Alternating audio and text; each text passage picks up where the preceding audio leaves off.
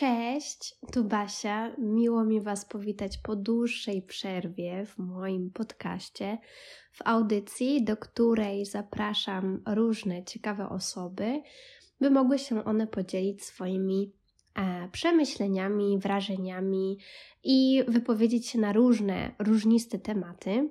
E, zdarza mi się też nagrywać solówki, co pewnie widzieliście na, e, na stronie podcastu, ale dzisiaj chciałabym Was zaprosić do wysłuchania rozmowy z Zuzią, która już pojawiła się w moim podcaście dwa razy.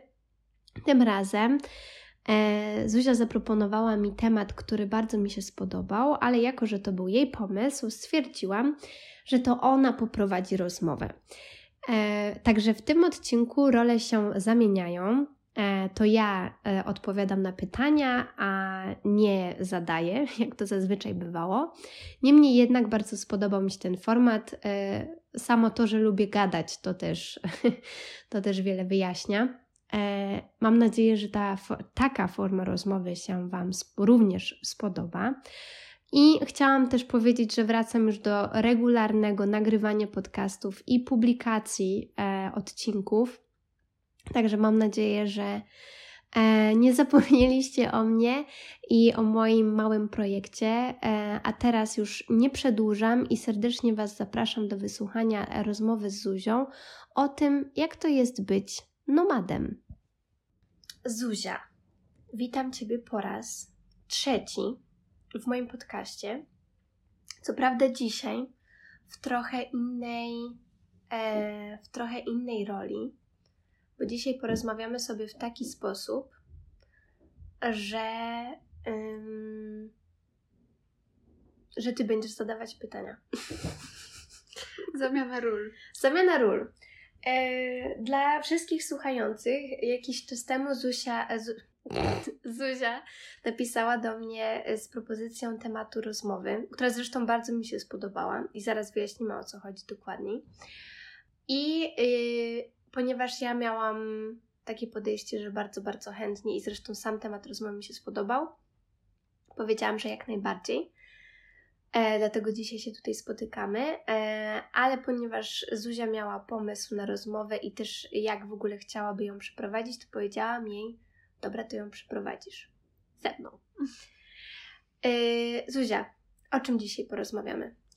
Dzisiaj porozmawiamy o wszystkim tym, co temperowało nasz charakter y, do tego czasu podczas naszych y, przygód językowo-podróżniczych. Mhm. To znaczy, głównie skupimy się na aspektach y, tych, które były trudne, e, bo zazwyczaj rozmawiałyśmy mm, o naszych albo pozytywnych doświadczeniach, Panie sąsiedzie, proszę przestać.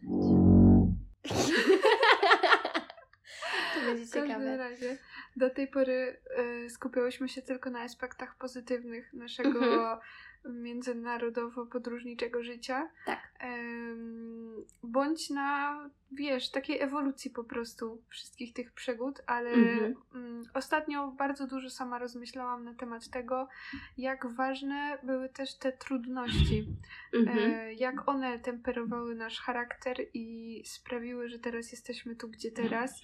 I że tak naprawdę wszystkie te trudności to jest doświadczenie tak indywidualne, że mm, nie jesteśmy w stanie tego tak przedstawić, żeby dać ludziom takie świadectwo na tacy, tak żeby każdy mhm. zrozumiał, jak to jest, jak to, żeby każdy zrozumiał, jak to jest y, mierzyć się z tymi wszystkimi wyzwaniami, bo każdy mierzy się po prostu z innymi.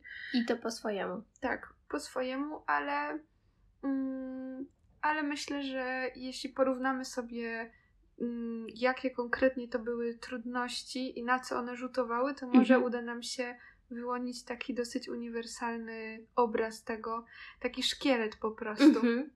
Tak. E, mam nadzieję, że właśnie to w tej rozmowie też tak wyniknie, a, a mowa będzie o, po prostu o tym, że e, dużo podróżujemy. Jesteśmy takimi nomadami. Może nie w pełni, bo gdzieś tam w takiej ogólnej definicji nomad cały czas się przemieszcza i nie ma stałego miejsca zamieszkania. Mhm. My gdzieś tam powiedzmy to stałe miejsce zamieszkania mamy, ale czy stale w nim przebywamy, to jest kwestia sporna. Tak, myślę, że tutaj tego, to pojęcie bycia nomadem. Yy, mimo, że nie jest taką słownikową definicją, taką jak właśnie mm -hmm. przywołałaś, że no bo kim jest, y, kim jest taka osoba? Osoba, która ma taki tryb życia, właśnie podróżuje z miejsca na miejsce i nie ma konkretnego domu, mhm. ale ja bym bardziej y, odniosła to pojęcie do naszej tożsamości, bo mhm. ona ciągle się zmienia. Mamy taką osobowość, która musi ciągle dostosowywać się do tego klimatu, w którym akurat się znajdujemy, ale nie tylko jeśli chodzi o miejsca takie fizyczne, mhm. ale otoczenie po prostu. Wszystkie osoby, z którymi mamy doświadczenia ponieważ musimy ciągle zmieniać języki. To prawda. A co się z tym wiąże? E, musimy się dostosowywać ciągle do innych, e, do innej takiej mm, rzeczywistości mhm. kulturowej po tak, prostu. Tak, prawda? to prawda. To prawda. I e, wydaje mi się, że to e, raz, że dotyczy osób, które dużo podróżują, ale tak jak powiedziałaś, że też te, które na co dzień zmieniają języki e, w rozmowach, mhm. bo sama nawet chyba kiedyś rozmawiałyśmy o tym, nawet nie wiem, czy to nie padło w naszych poprzednich odcinkach wspólnych, ale jest taka książka Języczni. Nie pamiętam niestety autorki. Jagoda. Jagoda Ratajczak. Dokładnie. Dokładnie, dziękuję bardzo. I ona właśnie w tej książce mówiła o tym, że często jest tak, że zmieniając język, w ogóle ucząc się jakiegoś języka, trochę zmienia nam się osobowość. To nie chodzi o to, że nagle masz trzy strony siebie i ty francuska, a ty hiszpańska, a ty polska, to są po prostu trzy różne zuzie albo trzy różne basie. Ale niemniej jednak ten język wpływa, wpływa na tą osobowość i, i ją troszeczkę zmienia i, i ten przepływ i ta ciągła zmiana, to bycie nomadem językowym, no i też podróżniczym, charakteryzuje, chciałabym powiedzieć, charakteryzuje nasz charakter. Niekoniecznie w ten sposób, czekaj, ym, kształtuje nasz tak, charakter. Tak, i warto zaznaczyć, mm, tak dla przypomnienia, no bo twoi wszyscy słuchacze mhm. e, i widzowie, i uczniowie, i osoby, e, do których ty przemawiasz regularnie, wiedzą, jaki masz tryb życia, to znaczy mhm no, i widzą też, że ty naprawdę ciągle podróżujesz. Prawda. E, ja podróżuję mniej teraz, mhm. ale ja też określiłabym się. Określiłabyś też się? Też określiłabym się jako, jako nomada, nomadkę. Mhm. E, w każdym razie, mm, nawet stacjonując w Poznaniu regularnie, mhm. z małymi odstępami podróżniczymi, ale, ale zawsze, ja y, dziennie muszę zmieniać swój język co chwilę. Po prostu mhm. co chwilę w mojej pracy, w moim życiu prywatnym, mhm. w moich relacjach bliskich. Mhm. We wszystkim tutaj, co robię, ja w Poznaniu jestem osobą, która musi załatwiać interesy innych ludzi, ponieważ beze mnie nie potoczy się to. Po prostu nie dojdzie do jakichś umów, do, do biznesów, po prostu ludzie mnie potrzebują, bo beze mnie tego interesu nie ma. Jestem przedstawicielem, jestem reprezentantem i jeśli nie ja, no to ludzie się nie dogadają. W sensie pewnie znajdą jakiś sposób, ale mhm. to nie będzie Google na tłumacz. takim tak, nie będzie to na takim poziomie i, i z takim. Takim komunikatywnym. Tak, i z takim poziomem też komfortu i takiego może dobrego smaku po prostu, mhm. żeby każdy był zadowolony z tej komunikacji. Prawda. Więc jestem zadowolona też z tego, że to tak wygląda i daje mi to poczucie władzy. Jest to naprawdę bardzo e, miłe e, doświadczenie, bardzo takie budujące, konstruktywne mhm. bardzo. Ale jak to na mnie wpływa? Mm, myślę, że ja już wyszłam z takiej fazy, na przykład, bo jeszcze w zeszłym roku miałam tak, że e, po wielu e, takich przejściach językowo-kulturowych, później byłam na przykład w łazience, patrzyłam w lustro i sobie myślałam, E, okej, okay, e, właśnie jakby, nie wiem, załatwiłam coś ważnego po hiszpańsku, tutaj za chwilę muszę coś zrobić po angielsku, zaraz tutaj po francusku i, i tak miałam taki właśnie moment patrzenia w lustro i myślenia, teraz jest ten moment, kiedy nie jestem nikim z tych osób i, mhm. i zastanawiam się, kim ja jestem. I myślę, że teraz ja już nawet jestem level up. Mhm. Jakby, że ja już nawet nie myślę takich rzeczy, że ja jestem tym wszystkim. Naraz. Że ja już przestałam szukać siebie pomiędzy tymi mhm. postawami, pomiędzy pomiędzy tymi sferami językowo-kulturowymi, ja już chyba teraz jestem na etapie, że jestem wszystkim tym naraz. Nie szukam już właśnie -hmm. tej odskoczni, bo, bo nie ma sensu mieć odskoczni. Moje życie takie jest i koniec. -hmm. Dlatego też trzeba się otaczać osobami i warunkami, które temu sprzyjają i które to akceptują. Tak. Ale no o tym właśnie dzisiaj będziemy rozmawiać i ja mam do Ciebie różne tutaj pytania, które, które mm, ciekawią mnie yy, pod tym względem, że zastanawiam się właśnie, jak Ty sobie z tym radzisz, bo jesteśmy nomadami na troszeczkę mhm. inne sposoby, ale jednak są różne punkty wspólne, które tak. nas sprowadzają do tego samego i do tego, że na przykład ciągle mamy ze sobą kontakt i się wspieramy w tych mhm. naszych doświadczeniach i że tak dobrze jesteśmy w stanie się rozumieć w tym wszystkim. To prawda i w ogóle ja zacznę od tego, że um, już w sumie um, wyjazd wyjazd na Erasmusa był takim przełomowym momentem, bo wtedy się zorientowałam, że e, część właśnie relacji, które, mm, które były dla mnie bardzo ważne, opuszczam. Może nie na zasadzie, że opuszczam, że wychodzę z tych relacji, ale po prostu jakby przechodzą one na inny, e, na inny level. Na, jest, przechodzą w sumie z takiego bycia codziennie razem na w sumie bycie na odległość i właściwie bycie na telefon bo e, ja akurat właśnie przed moim Erasmusem mieszkałam jeszcze z moją mamą, więc nagle z takiego e, codziennego przebywania wspólnego, czy to po południu, wieczorem, czy w ogóle rano, jedzenia wspólnie śniadania, gdzieś tam opowiadania sobie o tym, co było, przeszłam do takiego bycia po prostu samej, zupełnie. Pamiętam, że na początku to było e, dosyć trudne dla mnie, bo to był taki pierwszy etap, w którym ja zrozumiałam, że te relacje będą się zmieniać, bo siłą rzeczy ich utrzymywanie się zmienia. Mhm. I tak samo było po powrocie z Erasmusa, że te przyjaźnie, które tam zawarłam i które najpierw były typowo we Francji, potem nagle przeszły na troszeczkę większy, większy obszar, bo powiedzmy, no na tym Erasmusie poznałam i dziewczynę z Niemiec, Tinę, i dziewczynę z Korei, Isu, które no każde się rozjechały do swoich domów no to to już nie były takie przyjaźnie tylko i wyłącznie z Francji. Jak najbardziej um, myślę, że właśnie ogół tych doświadczeń, e, o którym zaraz tutaj będziemy mówić, e, tak e, bardziej już dokładnie o tych wszystkich e, aspektach, jest tak duży i właśnie tak szeroki po prostu, że ciężko jest to tak e, objąć, tak mhm. przedstawić to z takiej perspektywy klarownej, e, jako taką opowieść, którą, której, e, którą też ludzie chcą usłyszeć. Ludzie, mhm. ludzie chcą słyszeć proste historie z prostymi odpowiedziami, tak żeby nie budziło to ich wątpliwości. Mhm. Ludzie chcieliby usłyszeć, że ty no, przeżyłaś to i to, ale że w sumie to, no, może ci się aż tak nie podobało, że wróciłaś i że w sumie mhm. teraz jest lepiej. Nie chcę się ludziom słuchać historii, które są takie troszkę ambigu. Rozumiesz, że które są takie ambiwalentne po prostu, tak. bo mm, nie znają tego twojego doświadczenia i ciężko jest im, mm, wiesz, postawić Wejść się na takiej tak, zawsze potrzebują tej przeciwwagi. Musi być albo mm. tak, albo tak. Czarno, tak. czarno-białe. Więc e, żeby też lepiej się naszym słuchaczom tego słuchało mhm. i e, żebyśmy mogły się troszeczkę zamknąć w takie ramki po prostu, żeby było nam łatwiej, mhm.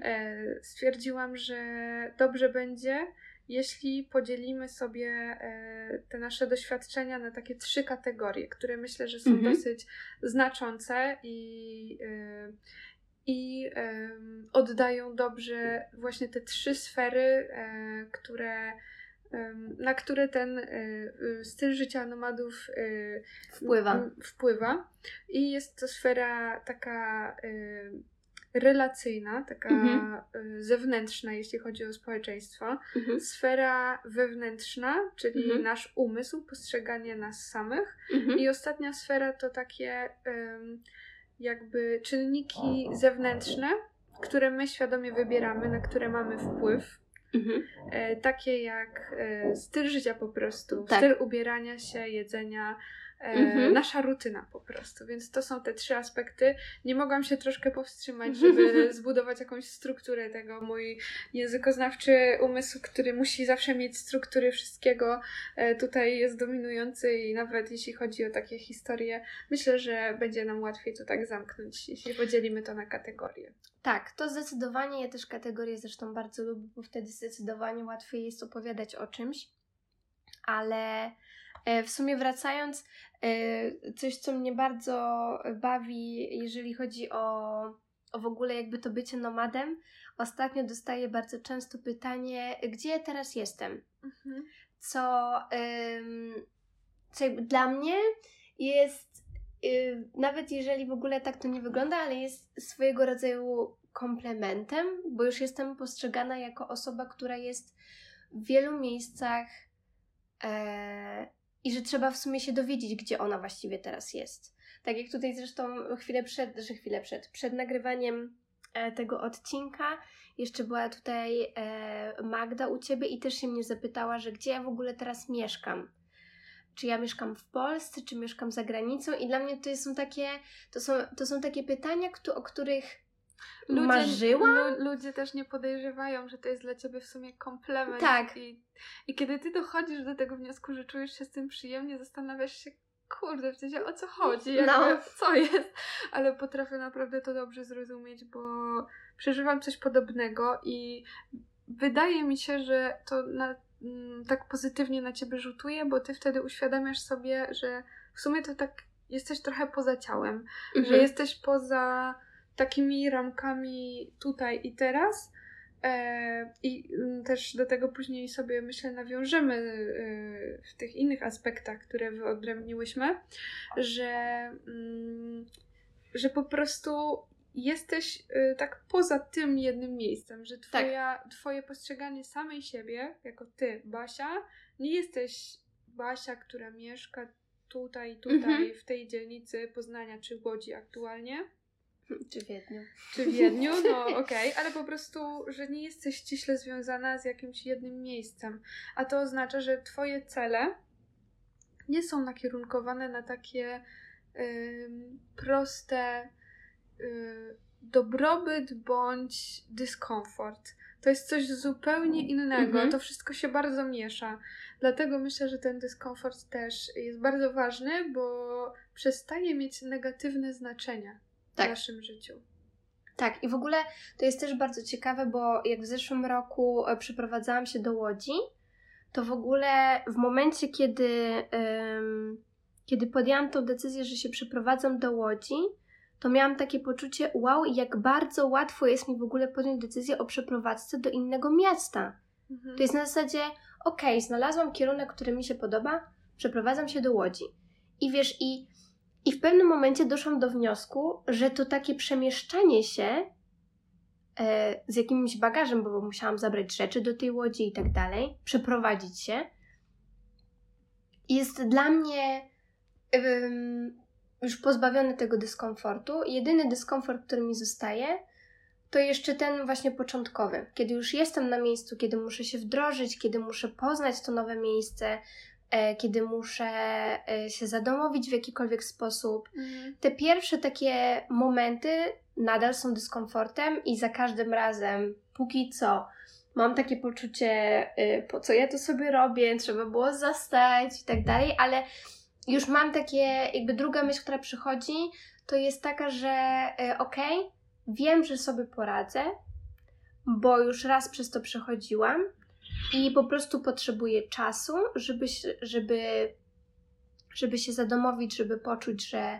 jest ok, mhm. ale ten, ten moment, jakby ta decyzja w ogóle, podjęcie tej decyzji, żeby się przemieścić, przeprowadzić, jest już dla mnie tak łatwa, że ja nie mam takiej rozkminy, ale czy na pewno, czy chciałabym zostawić tych wszystkich ludzi, czy coś tam. Jakby myślę, zupełnie inaczej już do tego podchodzę. Myślę, że to jest też yy, pewna taka, yy, taki stan, yy, który musisz sobie w jakiś sposób aktualizować, mhm. że y, kiedy już poczujesz, że to ci przynosi takie pozytywne efekty, to y, jakoś tak instynktownie starasz się co jakiś czas nawet tworzyć sobie te trudności. Nawet mhm. jak już, nie wiem, czujesz się wygodnie w jakimś miejscu, w jakimś mieście, czy, czy z jakąś pracą, czy po prostu w jakiejkolwiek tam innej sytuacji życiowej, to ty nawet szukasz, żeby było trudniej. Ty się tak. starasz zmienić coś, po to, żeby dać sobie taki challenge, żeby, wiesz, aktualizować sobie właśnie ten stan dążenia do czegoś, ten stan dyskomfortu, bo jeśli tego nie masz, to zaczynasz tak się rozleniwiać i, i, i je, jest ci łatwiej, ale w takim sensie, że po prostu czujesz się taka trochę nawet zrezygnowana, że o nic mhm. nie walczysz. E, myślę, że. Mm, mimo że ja na przykład właśnie ciągle teraz e, właśnie zmieniam te języki i, i, i ciągle mam taką adrenalinę, to ja mhm. nawet do tej adrenaliny już się przyzwyczaiłam i też brakuje mi w sumie czegoś e, nowego, że chętnie, ja nie wiem, chętnie bym zrobiła jakiś challenge, na pewno jakby wiem, że się pojawi, bo, bo mhm. też, sobie, też sobie ciągle wymyślam i, i mam jakieś tam różne rzeczy i plany na horyzoncie już, ale, ale na pewno to, o czym mi mówisz, o, o, o tych e, podróżach czy przeprowadzkach do innego miasta, że to jest też coś, e, czego mi trochę brakuje też. Mhm. Jeszcze to przyjdzie. Mm, ja wiem, że przyjdzie, spokojnie. Jeszcze to przyjdzie, bo jakby to powiedzieć, to jest coś, co, co się pojawia w pewnym momencie. Mhm.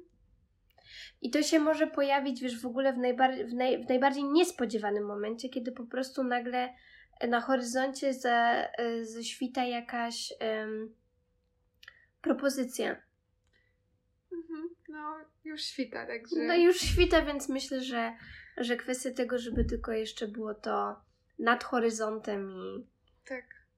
Trzeba też, że, no właśnie, też jest y, to pewna kwestia taka, że życie jest nieprzewidywalne. A zupełnie. E, I wymaga to pewnej odwagi, żeby to zaakceptować, żeby mhm. sobie to uświadomić, żeby to zaakceptować i być w zgodzie z tym takim flow e, nieprzewidywalności życia. To jest też coś, co wydaje mi się charakteryzuje e, nomadów, że wiesz, osoby, które nie mają domu, muszą się zgodzić z tym, że czasami jest lepiej, czasami jest gorzej, czasami tak. po prostu muszą zaakceptować ten wysiłek, tak. bo bez wysiłku nie dojdą do celu. No dokładnie.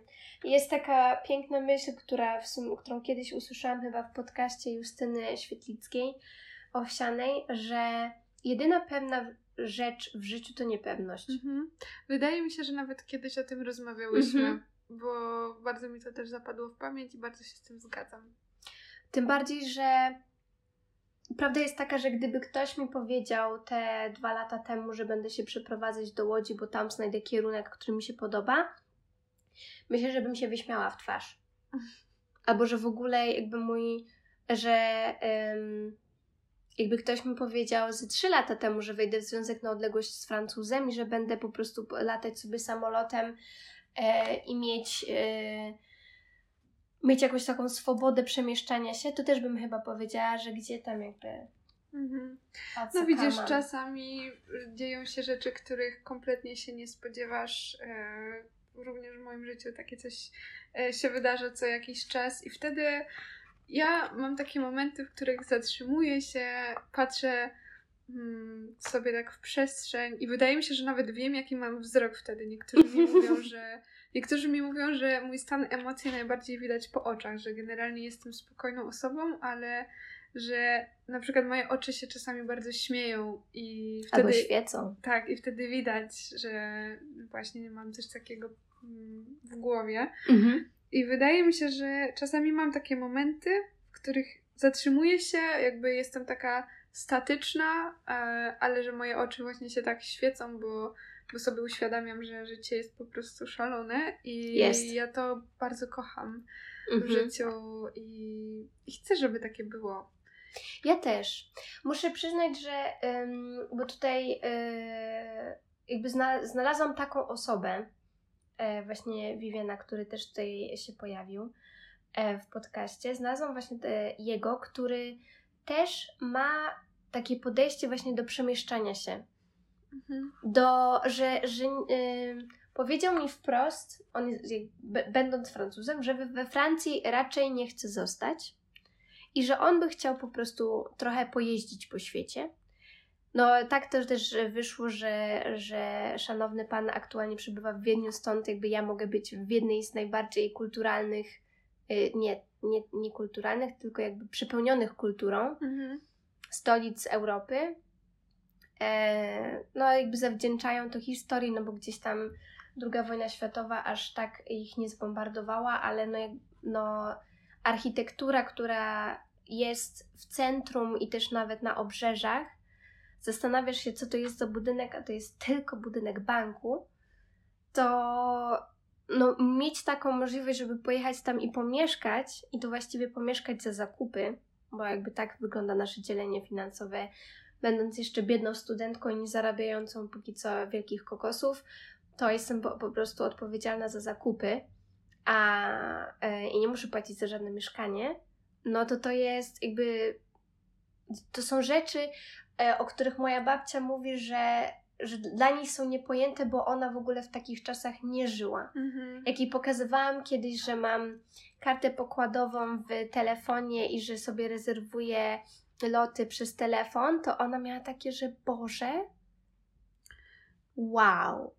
Właśnie bardzo y, utożsamiam się z tym, co teraz mówisz, y, bo dosłownie na dniach się wydarzył mój coming out y, przed moimi dziadkami, jeśli chodzi o wyjawienie mojej aktualnej sytuacji związkowej, mhm. ponieważ też aktualnie tak się mi zdarzyło, że znalazłam osobę, która strasznie wspiera mnie, jeśli chodzi o moje plany rozwojowe po prostu, y, jeśli chodzi o podróże, y, no wszystko, wszystko po prostu co planuję.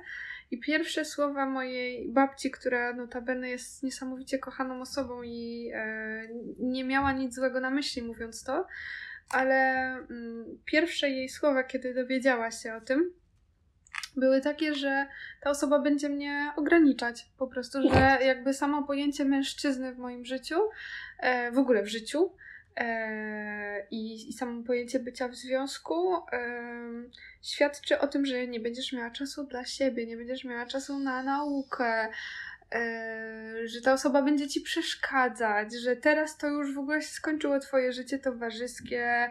E, później jednak zmieniła zdanie i powiedziała, że i tak powinnam może przestać e, studiować i raczej skupić się na czynnościach domowych. E, ja, I jakby tak mają. powiedziała to naprawdę z dobrą myślą i ja naprawdę nie, nie mówię teraz tego po to, żeby tutaj moją... Babcię oczerniać. Absolutnie nie o to mi chodzi, bo naprawdę nadal utrzymuję to, że jest to niesamowicie kochana osoba. Natomiast y, jednak starsze osoby y, nie myślą o tym, że możesz po prostu znaleźć osobę, która mhm. naprawdę mm, jej ostatnią rzeczą, którą chce, którą ona chciałaby robić, to jest blokowanie cię. Um, więc no naprawdę jest to niesamowite szczęście, że czasami możesz znaleźć taką osobę, która e, i właśnie zaraz e, nawiązując już do tej sfery mhm. relacyjnej, będzie z tobą wszędzie, a tak. nie tak tutaj i teraz. Mhm. E, więc no właśnie, myślę, że jest to teraz dobry moment, żeby zacząć już e, ten pierwszy nasz e, ten pierwszy nasz obszar, o który mhm. chciałabym Cię zapytać. E, a mianowicie aspekt relacji, no bo mhm. będąc wszędzie, w sumie jesteś nigdzie. I e, dla wielu ludzi, którzy mają potrzebę bycia blisko z tobą, ponieważ jesteś miłą i fajną osobą, e, dużo ludzi chciałoby po prostu cię zatrzymać i mieć tylko dla siebie. I mhm. również mi się to zdarza. W ogóle mieć na miejscu. Tak. I teraz, jak żyć w społeczeństwie, które takie jest, ponieważ zdecydowana większość ludzi e, ma inne życie od ciebie. Ma, tak. ma, ma zupełnie inne jakieś doświadczenia, potrzeby, cele. E, I jak ty e, to godzisz? Jak, czy ty masz wyrzuty sumienia? Miałam. Mhm. Miałam na początku dosyć duże. Bo przyjeżdżając do Poznania próbowałam nadrobić te wszystkie spotkania, te wszystkie e, rozmowy, kawki, e, ciasteczka, wieczory wspólne i tak dalej, ale przyjeżdżałam na weekend, mhm. więc się nie dało za bardzo wcisnąć 10 spotkań w ciągu dwóch dni. I pierwsze dwa czy trzy weekendy chyba miałam takie, że rzeczywiście starałam się to wypchać po, po brzegi, ale doszłam do wniosku, że to absolutnie nie ma sensu, w sensie no nie jestem w stanie spotkać się z tymi wszystkimi osobami, które proszą mnie o spotkanie, które chcą, żebym się z nimi spotkała, które czekają na spotkanie ze mną. I w pewnym momencie zaczęłam po prostu odpuszczać, co wiązało się, wiesz, z różnymi takimi troszkę trudniejszymi rozmowami w stylu, że chciałabym, czy chciałbym, żebyś poświęcała mi więcej czasu, albo czekam na spotkanie z tobą i masz wrażenie, że zostaje ci nałożona taka presja, która, mm. która jest takim wymogiem, że no musimy się spotkać. Co jakby wiesz, moją intencją jest, e, żeby się spotkać, ale autentycznie czasami nie mam na to czasu i zdarzały mi się takie sytuacje, że obiecywałam, że się spotkamy, że porozmawiamy, a finalnie w procesie planowania nagle po prostu traciłam ten czas, który miałabym przeznaczyć dla danej osoby i nie byłam w stanie tego zrobić. Więc był taki moment, że rzeczywiście trochę się naprzepraszałam. E, powiedziałam, że jakby to nie jest moja intencja, żeby zakończyć te przyjęcie, że musimy znaleźć jakiś inny sposób, który spowoduje, że będziemy się trzymać e, w kontakcie, e, że będziemy po prostu bo opowiadać sobie i znaleźć inną rutynę niż spotkanie twarzą w twarz. Mhm. Widzisz, właśnie bo tutaj rozmawiamy o tym przepraszaniu innych ludzi, prawda? Mhm. E, I skupiamy się na tym aspekcie, jak inni nas postrzegają i tak dalej, i tak dalej, ale warto też zastanowić się, jak to wpływa na ciebie. Jeszcze właśnie później nawiążemy do tej sfery emocji twoich mhm. własnych, więc pewnie tam bardziej się rozwiniemy, ale jest to bardzo ważne, żeby sobie uświadomić, że te wyrzuty sumienia, e, tłumaczenie innym ludziom, właściwie no, tłumaczenie na samych, prawda, dlaczego nie możemy poświęcić tego czasu, e, jest bardzo trudne, bo jest. nie da się pogodzić wszystkiego, rozszerzyć nie. po prostu doby. To jest niemożliwe. Nie da się i nie da się też, jakby wiesz, fajnie by było się spotkać z wszystkimi naraz. Tylko, mhm. że jak to, jakby, jak z różnymi osobami masz y, różne tematy po, po, pozaczynane, to tak jakbyś zaprosiła na swoje urodziny 40 osób, mhm i w jeden wieczór próbowała porozmawiać ze wszystkimi. Mhm. No i po prostu się nie da. A mm, w, też warto zaznaczyć, że w dobie dzisiejszych, dzisiejszej komunikacji po prostu, bo to wszystko się opiera na komunikacji i, i wobec tego też na mediach społecznościowych, mhm. no funkcjonuje to w taki sposób, prawda, bo ludzi przyciąga do ciebie I ci ludzie mają możliwość obserwowania cię w sieci, jest tych ludzi dużo, każdy pisze do ciebie, daje ci jakieś reakcje i ty chcesz z jednej strony utrzymywać ten kontakt, bo jest to twoja jakaś działalność i, i pasja, ale z drugiej strony, czy, czy faktycznie jest to taka, wiesz, e, interakcja społeczna, która daje tym obu stronom spełnienia. Właśnie, bo mm, myślę, że ja już sama też znam odpowiedź mm -hmm. na to pytanie, to jest pytanie retoryczne trochę, że um, jakby daje spełnienie, o ile obie strony tej komunikacji wiedzą, że ten komunikat jest płytki i jakby pozostaniemy w tej sferze. Jeżeli ta druga osoba oczekuję, że nagle ta jedna reakcja na Instagramie zmieni się w głęboką konwersację na temat y, podróży i ogólnie mm-hmm. właśnie, że ta osoba poczuje się usatysfakcjonowana Twoją odpowiedzią i zaangażowaniem w tą relację, w ten chwilowy kontakt na mediach, no to powodzenia, bo e, raczej tak to nie będzie. Um, I myślę, że my już jesteśmy do tego w miarę przyzwyczajone, mhm. ale to może być dla niektórych ludzi bolesne i może być to rozczarowaniem. Niestety, mimo że nie mamy nic złego na myśli po prostu, że mhm. jest to coś spowodowanego takim troszkę szybszym trybem życia, ale jednak nie takim, który jest efektem jakiejś ucieczki, czy uciekań, uciekaniem po prostu od tego kontaktu, czy od jakichś problemów, czy coś jest po prostu jest po prostu takim trybem życia i, tak. i, i jakbym to tak wyjaśniła. No ale nawiązując właśnie do tego, że, mm, że czasami powoduje to takie trudności, jakieś niezrozumienie y, mhm. ze strony innych i, i, i niezadowolenie, jeśli chodzi o twój, twój brak czasu.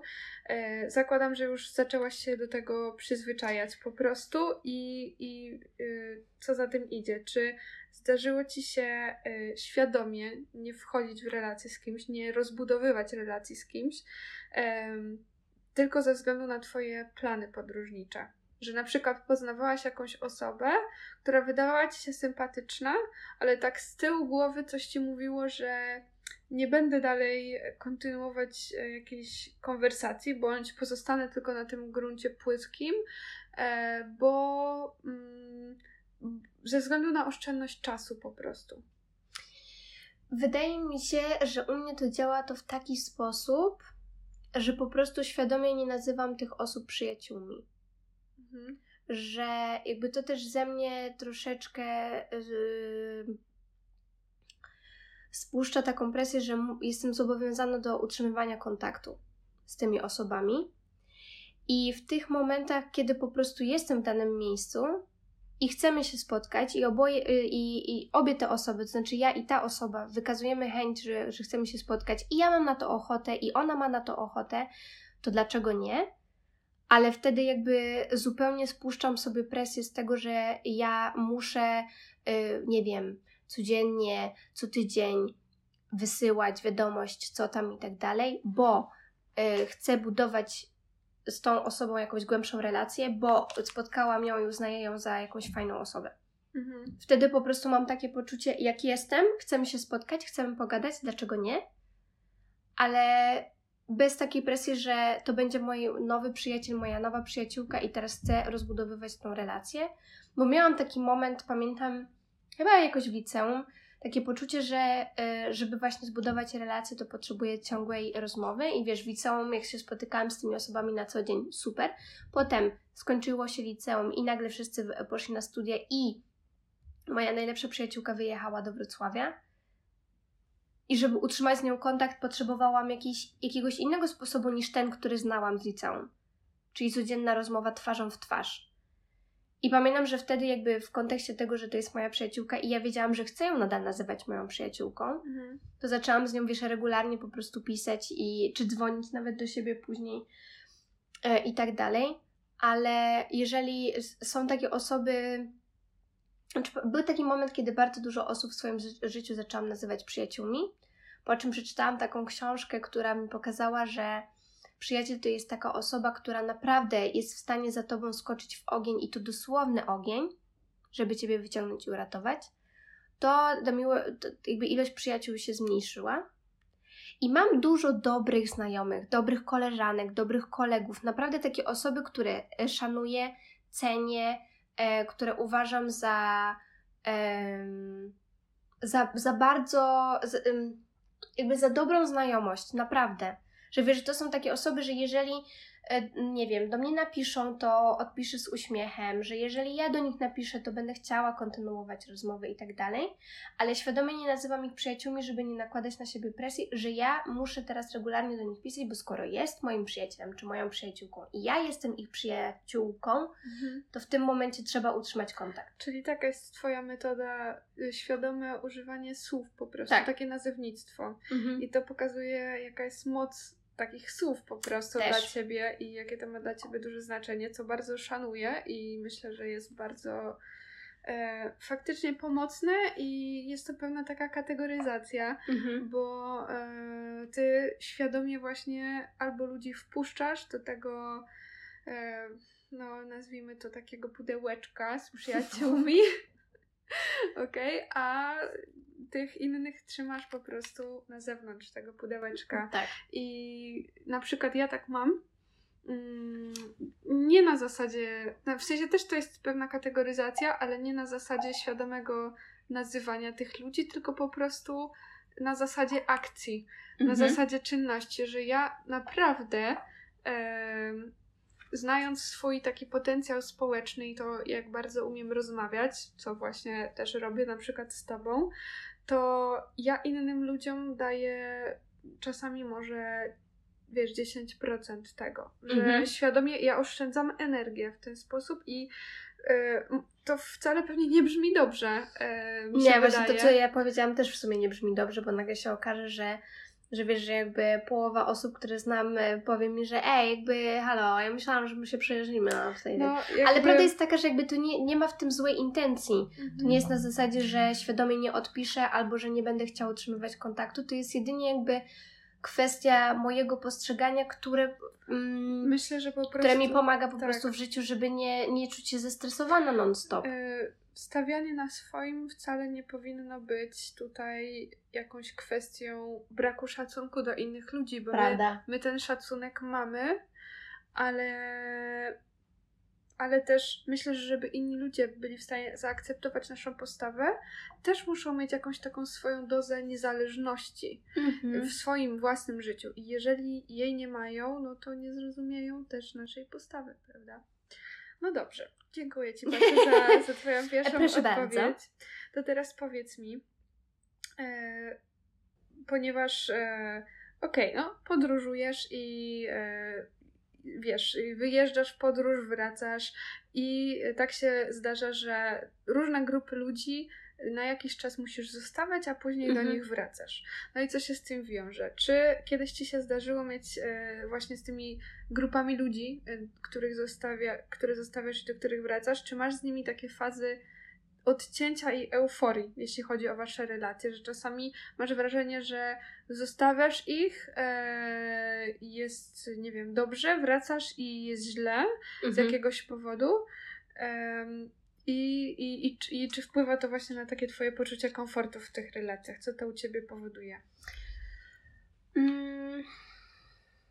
U mnie czasem bywa, e, jakby e, bywa tak w kontekście różnych, e, różnych relacji i rodzinnych i przyjacielskich, że czasami po prostu jakby ten, jakby to powiedzieć, ten kontakt na odległość powoduje, że troszeczkę dozujemy sobie te osoby e, na co dzień i w momencie, kiedy zaczynamy z nimi przebywać jakby twarzą w twarz, to no to jesteśmy przeładowani powiedzmy tymi, tymi dawkami osobowości. E, chociaż w większości przypadków bywa u mnie na odwrót, to znaczy, że jest te, czasami taki przestój ym, właśnie relacji w momencie, kiedy jesteśmy na odległość, a jak przyjeżdżam i się spotykamy i mamy właśnie chwilę dla siebie, to ja mam wrażenie, jakbyśmy się widziały wczoraj. Mhm. Jakbyśmy po prostu, y, jakby tej przerwy nie było. Tylko, że właśnie, mhm, ja absolutnie to rozumiem, tylko, że problem jest taki, że ty tak myślisz, no nie? Tak. Ale te osoby zupełnie nie, ponieważ ich życie cały czas tutaj się toczyło. Tak. I dla nich ty możesz się wydawać w ogóle oderwana od rzeczywistości. Bardzo często e, słyszę. Tak. I nie dziwi mnie to, w sensie ja naprawdę dobrze bardzo znam te postawy. E, wręcz to może powodować ich takie traktowanie cię z taką pobłażliwością, że ty jesteś takim Piotrusiem Panem, takim wiecznym dzieckiem, że ciebie nigdzie nie ma, więc co ty wiesz o życiu? E, no tak Pięknie tak jest. Ujęte. No trochę tak, tak. Dosłownie tak. myślę, że mogą ci to mówić, nawet jeśli nie wprost, to po prostu jakoś tak pomiędzy. E, pomiędzy wierszami albo za plecami, co niestety jest bolesne, bo ty właśnie się bardzo mierzysz z trudnościami życia, z tymi wszystkimi, które oni mają, tylko że ty się mierzysz z nimi wszędzie. Więc e, to wcale nie oznacza, że ty właśnie nie, nie jesteś tu i teraz. Bo ty jesteś wszędzie, tylko to jest tak trudno wytłumaczyć. Jest trudno wytłumaczyć i w ogóle. Y, mm, Pamiętam, że miałam te, właśnie po Erasmusie miałam taki moment, y, w którym bardzo, bardzo chciałam, żeby, żeby dużo ważnych osób nie zrozumiało. Mhm. I, I pamiętam, że właśnie jeden, um, jedna osoba mi wtedy powiedziała, e, że tak naprawdę tylko ja, tylko ja wiem o co mi chodzi. I tak ja mogę mieć, to było akurat w kontekście właśnie, e, to było w kontekście mm, Erasmusa i kiedy był COVID i ja byłam, siedziałam w Polsce, a bardzo chciałam wrócić do Francji z powrotem. Siłą rzeczy zostawiłam zostawiłam tam swoje ubrania, zostawiłam tam parę różnych takich bibelotów, które należały do mnie i które chciałam odebrać. I w ogóle miałam ze sobą kluczyk do akademika, więc musiałam tam wrócić i chciałam jak najszybciej. I jako, że wtedy no, COVID szalał wszędzie i e, granice były zamknięte albo były otwarte i było mnóstwo jakby linii lotniczych, które nadal pozwalały ci latać, a tak naprawdę dzień później odwoływały ten lot. Mhm. Rozmawiałam wtedy właśnie z, z takim, z, z, moim wujkiem, który, e, do którego zadzwoniłam, powiedziałam wprost, nie wiem jaką mam decyzję podjąć, powiedz mi co mam zrobić. A mi mówi, ja ci nie powiem co masz zrobić, bo ja mogę mieć podejście bardzo takie racjonalne, że to jest niebezpieczne, że no jest światowa pandemia, że no, że jakby przemieszczanie się w tym momencie może grozić zarażeniem i tak dalej, ale ty możesz mieć taki bagaż emocjonalny związany z tą decyzją, związany z miejscem, do którego chcesz pojechać, czego nikt nie zrozumie. Mhm. Bo jest tam na przykład, nie wiem, osoba, do której chcesz wrócić. Mhm. Jest tam e, ulubiona piekarnia, w której chcesz kupić ostatniego croissanta, bo nie zdążyłaś.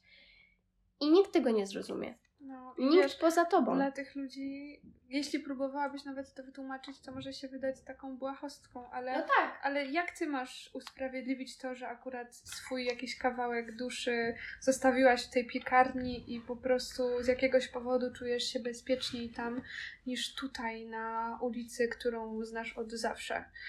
Więc mm, to są uczucia, które bardzo ciężko wytłumaczyć i, i powoduje to, jeśli próbujesz nawet to wytłumaczyć, co powoduje to różne takie niesnaski po prostu mhm. i rozczarowanie. E, rozumiem to dobrze, bo ja też kiedy wróciłam z Hiszpanii przeżywałam ogromny kryzys po prostu. Nawet wydaje mi się, że było mi trudniej mhm. niż kiedy miałam wyjechać. W sensie wszystkie te, wiesz, no. decyzje, które były przed wyjazdem oraz y, krótko po przeprowadzce i samo życie tam, nie było dla mnie tak dużym challenge'em, jak powrót do tej rzeczywistości po wyjeździe, kiedy właśnie czułam, że ja zmieniłam się o 180 stopni, a wszyscy, wiesz, pozostali tacy sami. Yy, i, I cóż, jest to, jest to bardzo trudne, ale y, mam też właśnie takie pytanie y, do ciebie, czy poznając y, innych ludzi już, mhm. nowy, albo nawet nie, że poznając nowych, tylko z tych relacji, które masz obecnie w swoim tak. życiu. Czy dzielisz je na takie relacje tutaj i relacje wszędzie? Zdarza mi się, że przy niektórych relacjach nie zabieram ich ze sobą mhm. dalej. Mhm. I. Um... A potrzebujesz takiej kategoryzacji w ogóle? Bo mi się wydaje, że, że w sumie ja chyba tak. W sensie nie jest to też możliwe, żeby mieć wszystkie relacje wszędzie. A wręcz to może być przydatne mieć pewne relacje tylko w jakichś konkretnych miejscach, bo nie wszystkie relacje jakby są też warte w jakiś sposób mhm. tego, żeby mieć je wszędzie. Nie wszystkie są na to gotowe po prostu. I to nie oznacza, że te relacje są złe, po prostu taka jest natura niektórych ludzi. Mhm. Wydaje mi się, że chyba nieświadomie robiłam taki podział że wiesz, że troszeczkę wynikało to z tego, że w momencie, kiedy byłam poza danym miejscem, oto kontakt z danymi osobami była, był bardzo sporadyczny, a w momencie, kiedy do tego miejsca przyjeżdżałam, to potrafiłam się widzieć z tymi osobami dzień w dzień. Mhm. I w momencie, kiedy jakby wyjeżdżałam, znowu był taki lakoniczny. Mhm. I ani nie czułam chyba potrzeby, żeby, żeby to zmienić, Czasami mam wrażenie, że też nie mam na to przestrzeni. Wiesz, wydaje mi się, tak teraz myślę, e, pomyślałam o takim, wiesz, oldschoolowym kontakcie no. ludzi, po prostu takim analogowym troszeczkę, ponieważ mm, no, żyjemy właśnie w czasach takiej szybkiej komunikacji tak. i wykraczającej poza taką sferę tu i teraz. E, ludzie, ogólnie tak jak ja rozmawiam z tobą, no to my musimy pod, nagrać podcast, żeby rozmawiać tak. tak. W sensie dosłownie ja rozmawiam z tobą, moja relacja z tobą jest relacją wszędzie. E, I żeby to było jasne, ok? Mhm. Ponieważ no, niezależnie gdzie jesteś, ja z tobą rozmawiam. I nie zawsze to jest taka rozmowa, jak jest teraz. Czasami to jest kontakt właśnie taki płytki, ale mm, to nie oznacza, że nie, rozmawia, nie rozmawiam z tobą głęboko, bo właśnie w tym momencie to robię i to jest super. Natomiast ym, wydaje mi się, że te, te relacje, które mamy, które ja nazwałam tutaj, mhm. one są też czymś może takim naturalnym dla mhm. ludzi, że wiesz, e, kiedy widzą cię tu i teraz, no to ta rozmowa się właśnie tak kształtuje dużo lepiej i jest naturalną formą kontaktu. I dla niektórych ludzi jest po prostu zupełnie nienaturalne, niemożliwe i, i problematyczne mieć z tobą kontakt wtedy, kiedy ty jesteś tak daleko. Co też jestem w stanie zrozumieć. Tak. Tak, ja też, bo um, miałam doświadczenie właśnie um, takiej um, rozmowy w której konfrontowałam swoje potrzeby rozmowy, w ogóle jakby kontaktu e, moje osobiste z potrzebami drugiej osoby. I z taką próbą znalezienia sposobu na to, żebyśmy obie te potrzeby potrafiły zaspokoić, będąc na odległość. Mhm. I pamiętam, że ja na początku właśnie byłam tą osobą, która jakby powiedzmy wysyłała wiadomości co któryś dzień po czym dostawałam odpowiedzi dosyć rzadziej niż myślałam, że dostanę. I, i finalnie jakby y, doszłyśmy wtedy do wniosku, że najlepszym, sposo- najlepszym sposobem na zaspokojenie tych potrzeb kontaktu, zarówno mojego, jak i, w sum- jak i potrzeby niepisania tej drugiej osoby, najlepszy okazał się telefon raz na tydzień, mhm. który trwa godzinę, godzinę i pół, znaczy półtorej, e, który, który bywa po prostu takim, takim opowiedzeniem sobie tego, co się wydarzyło w ostatnim czasie w bardzo intensywny sposób. I ten jeden telefon zaspokaja te kilka wiadomości, które mm. ja mhm. wysyłałam. Mm-hmm. I, e, I potrzebę niepisania tej drugiej osoby. Mm-hmm. Więc to był, to były, miałam takie momenty właśnie z, z, z różnymi osobami, takiego chwilowego y, szukania sposobu na utrzymywanie kontaktu na odległość.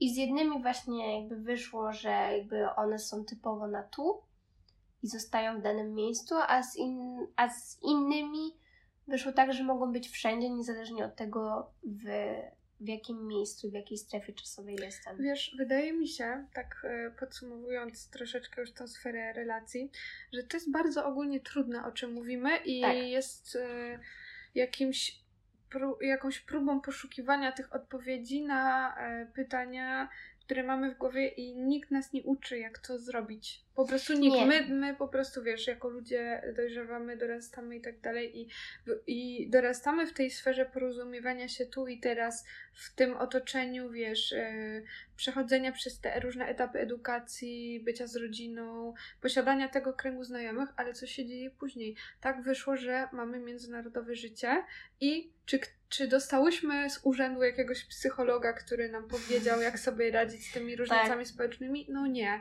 nie. Um, I jest to, wiesz, wydaje mi się to dosyć mm, dobre i naturalne, że nagrywamy teraz na przykład ten podcast, bo to jest właśnie ta próba szukania tych odpowiedzi, w sumie tak. jak my mamy z tymi ludźmi rozmawiać i jak mamy sobie radzić z tymi różnicami komunikacyjnymi, bo my zdajemy sobie bardzo dobrze z tego sprawę, ale to otoczenie, które tutaj zostaje, ma tylko do nas albo pretensje, albo wiesz, powoduje to różnego rodzaju niezrozumienia, e, żale i, i, i, te właśnie różnice, nie? Dlatego mhm. my bardzo musimy zdawać sobie sprawę, jak o tym rozmawiać, żeby tych ludzi nie zranić i jednocześnie mieć ich przy sobie.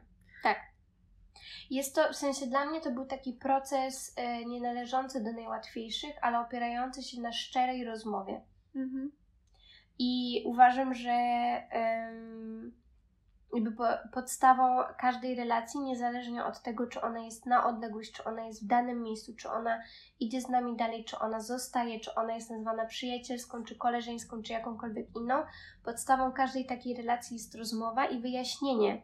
Mhm. Miałam parę takich rozmów, które były dla mnie trudne, bo dostałam właśnie, wiesz, jakby komunikat z, z, ze strony drugiej, ze strony mojego rozmówcy, że halo, jakby nie czuję zaspokojenia potrzeby mm, spotykania się z tobą, e, które jakby które będzie owocne, mhm, które, jego płytkie. też napełniają w jakiś Tak. sposób. I, I wiesz, i wtedy no, no musisz się z tym skonfrontować. I wiadomo, że, że mm, tutaj nie chodzi też o to, żeby przepraszać każdą taką osobę, bo siłą rzeczy, tak jak wspomniałyśmy na początku, nie rozłożymy tej godziny y, na mini kawałeczki, które pozwolą nam wykorzystać wtedy jedną godzinę na milion różnych innych osób, ale równocześnie jakby ym,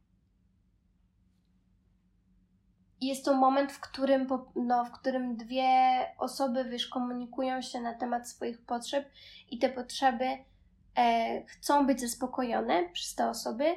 Nie zawsze muszą być zaspokojone przez tą drugą osobę, ale przynajmniej jakby wiesz, wyjaśnienie tego w taki Mhm. sposób jest potrzebne. Tak, właśnie powiedziałaś dokładnie coś, co chciałam ja teraz, że e, to jest potrzebne, tak jak mówisz, żeby ta osoba też zaznaczyła tą swoją potrzebę, e, Mhm. typu napisanie ci wiadomości, że Basia, rozczarowałaś mnie, nie zobaczyliśmy się przez całe wakacje. I wiesz, ciebie to boli, Tak. jakby wiesz, dlaczego tak się stało, wiesz, że nie było żadną twoją intencją unikanie tej osoby, Mhm.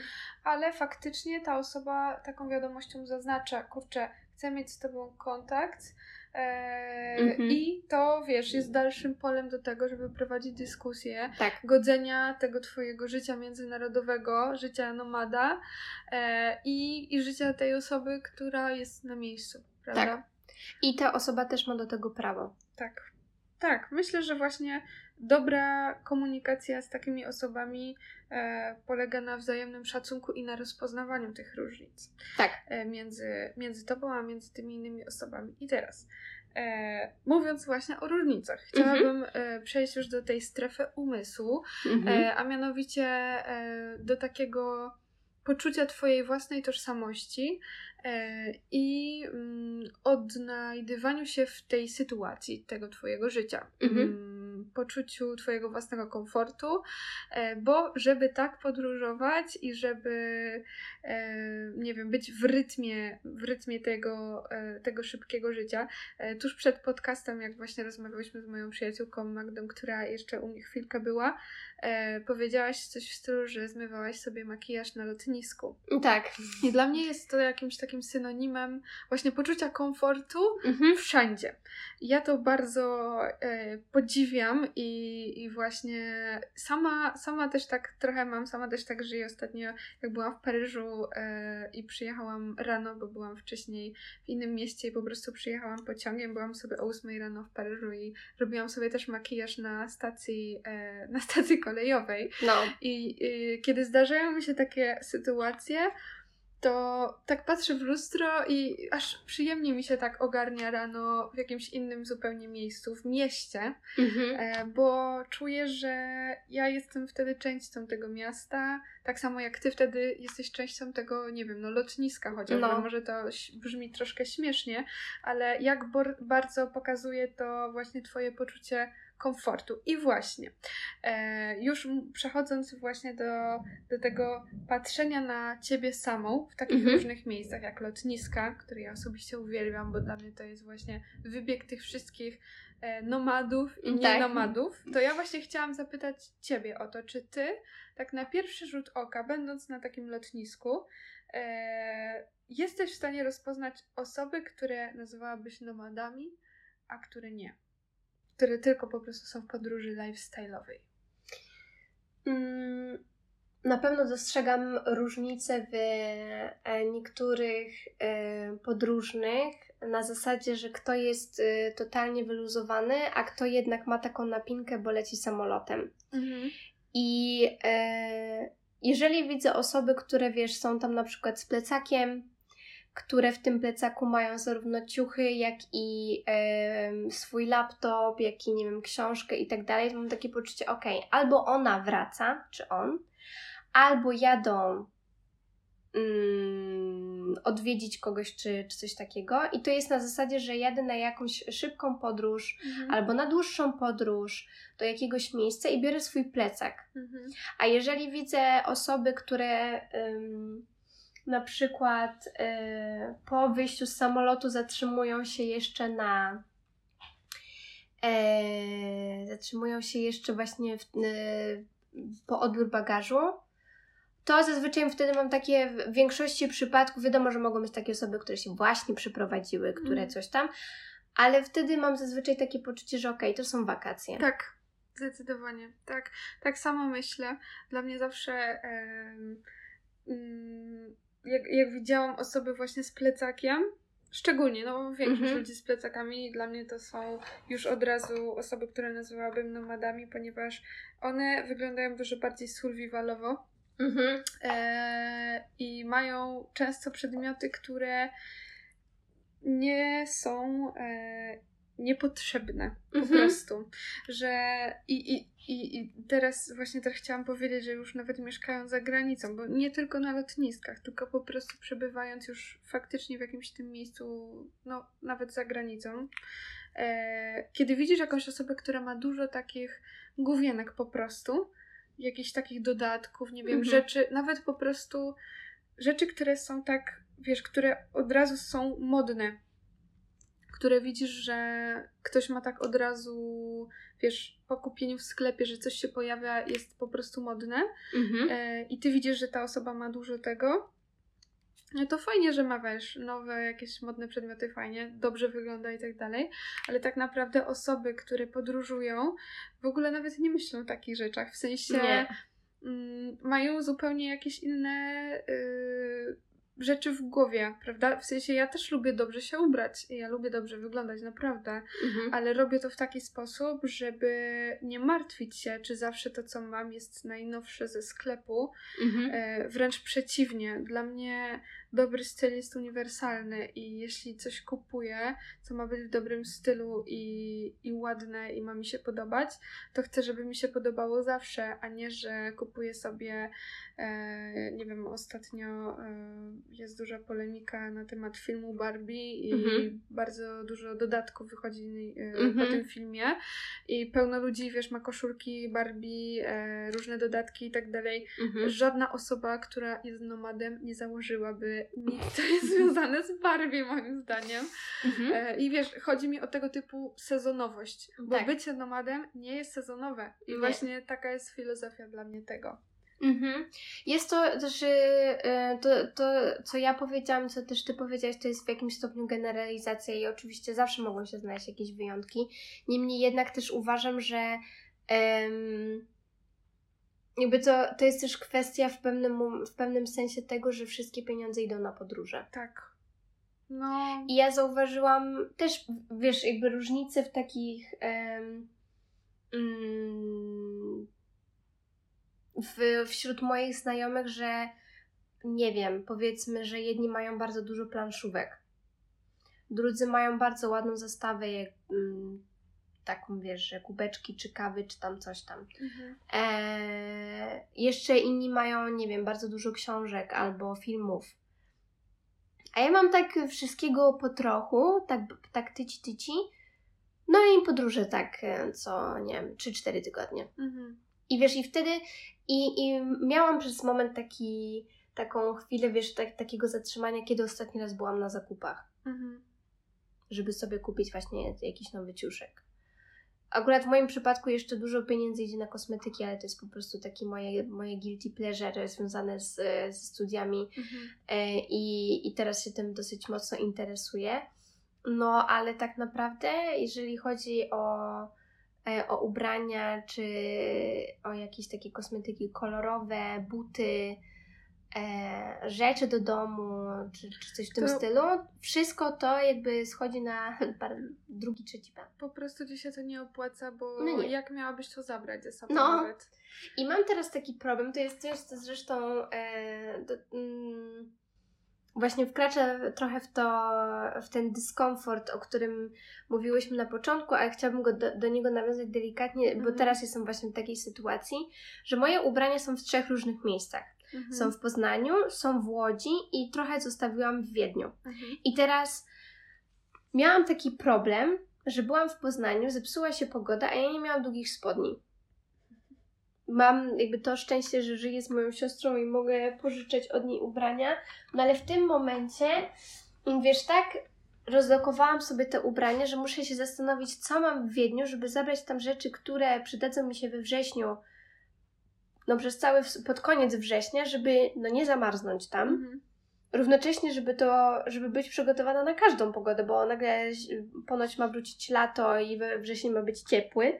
Aha. I wiesz, i, i, ym, i w takich sytuacjach mam trochę e, taki ból wewnętrzny, że wiem, że ja mam daną rzecz, mhm. ale nie mam jej przy sobie. Mhm. Tak samo mam, y, kończy mi się właśnie teraz podkład i mam inny podkład, ale w Łodzi. I wiesz, i jeszcze pół biedy, gdyby, gdyby dojazd do Łodzi był w miarę, w miarę przyjemny, ale ostatnio jakby PKP nie, nie sprzyja podróżom Poznań-Łódź i raczej nie daje miłych pociągów, które byłyby bezpośrednie, a jeżeli daje to raz na dzień mhm. w jedną stronę. No i w tym momencie podróż po to tylko, żeby zabrać ze sobą fluid i ewentualnie długie spodnie i może jakąś bluzkę z długim rękawem, bez jest bez sensu. No, myślę, że właśnie teraz mi się też przypomniało, yy, bo teraz już aż tak nie jest, ale w momencie, w którym tutaj w Poznaniu mam taką swoją rutynę, że wychodzę na przykład na uczelnię, mhm. yy, idę też na siłownię po drodze mhm.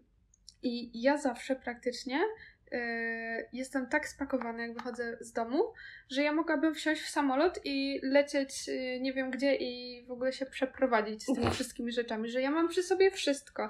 No dosłownie brakuje mi może szczoteczki do zębów i mhm. płynu do soczewek i opakowania, ale z tymi wszystkimi przedmiotami, z którymi ja codziennie wychodzę, jestem naprawdę w stanie, wiesz, dosłownie nie wrócić do domu i nie byłoby mi nawet żal tych rzeczy. W sensie to już jest taki poziom obcowania z tymi przedmiotami, że no wiesz, lubię na przykład swoje ubrania, lubię swoje mhm. buty, lubię swoje książki, ale też to jest taki poziom e, jakiejś, nie wiem, adrenaliny albo mhm. e, bycia bycia tak komfortowo w ogóle ze światem, że ja wiem, że sobie poradzę bez mhm. tych rzeczy. Nie muszę ich, wiesz, mieć ze sobą ciągle, mhm. nie, nie popłaczę się jak zgubię, nie wiem, sweter jakiś. No, nie, to tutaj jakby też do, no. do takich osób nie należy.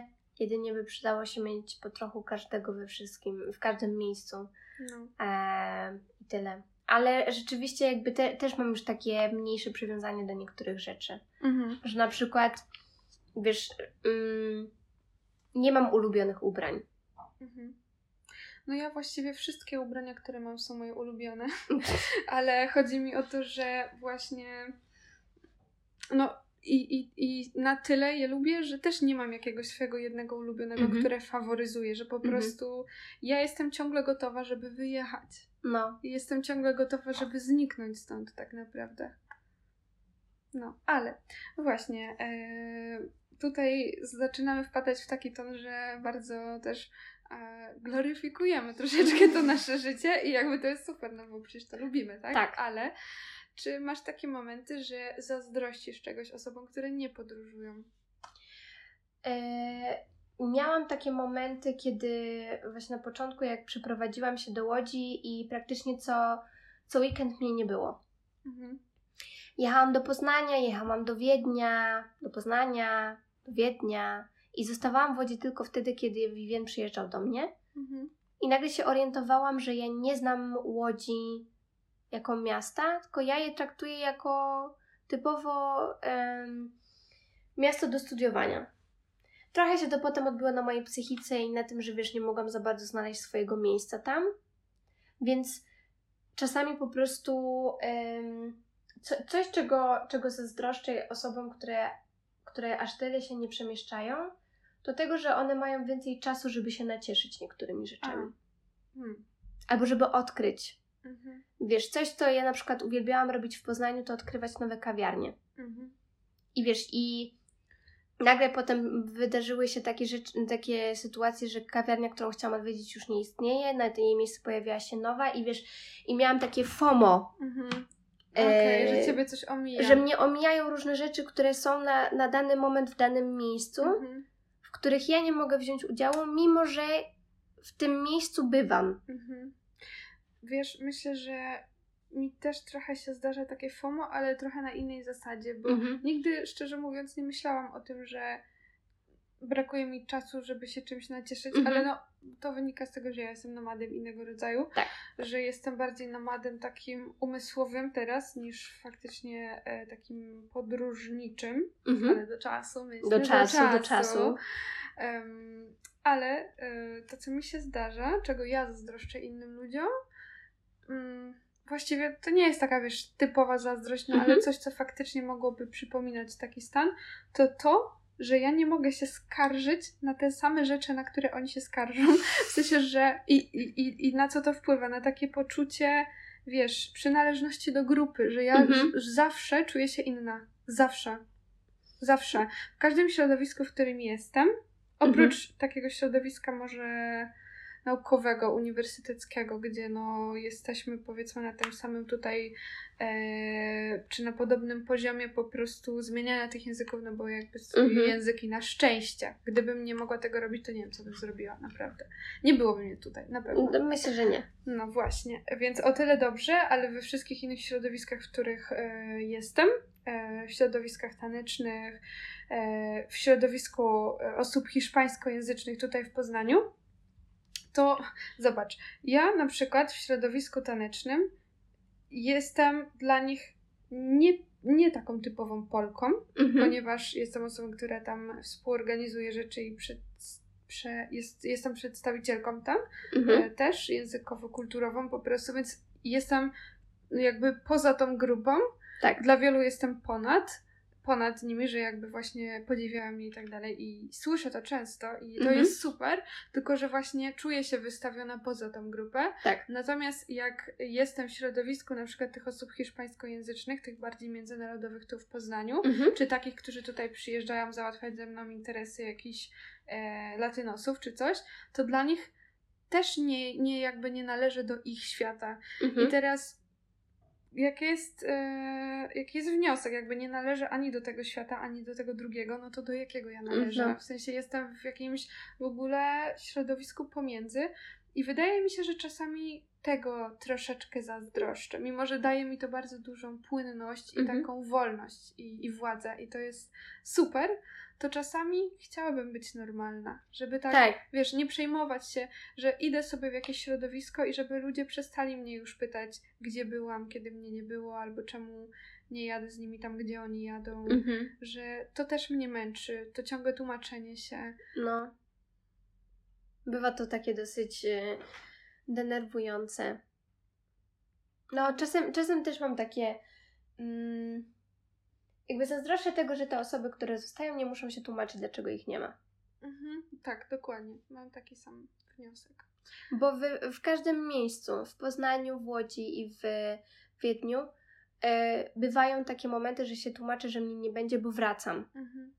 Bo wracam z Poznania do Łodzi, z Łodzi do Poznania, z Łodzi do Wiednia, z Wiednia do Łodzi Mhm. i mnie nie będzie, bo wracam. Mhm. I wiesz, jest takie, że o, szkoda i ty masz takie, no wiem, Mhm. chciałabym tam być, ale nie mogę. I to, tego zazdroszczę, że wiesz, że ta osoba, która no, Mhm. nie wraca, Mhm. nie przemieszcza się, nie będzie się tłumaczyć. Znaczy, No. może mieć swoje wytłumaczenie w stylu, że no nie może na przyjść, albo no cokolwiek. Ale wiesz, że jakby z perspektywy naszej to jest kwestia tego przemieszczania się i że to przemieszczanie się w tym momencie jest problematyczne, bo nie możesz uczestniczyć w czymś. Mhm. I muszy, znaczy musisz. I ludzie ciebie zapraszają, a ty się tłumaczysz, że ciebie nie ma. Mhm.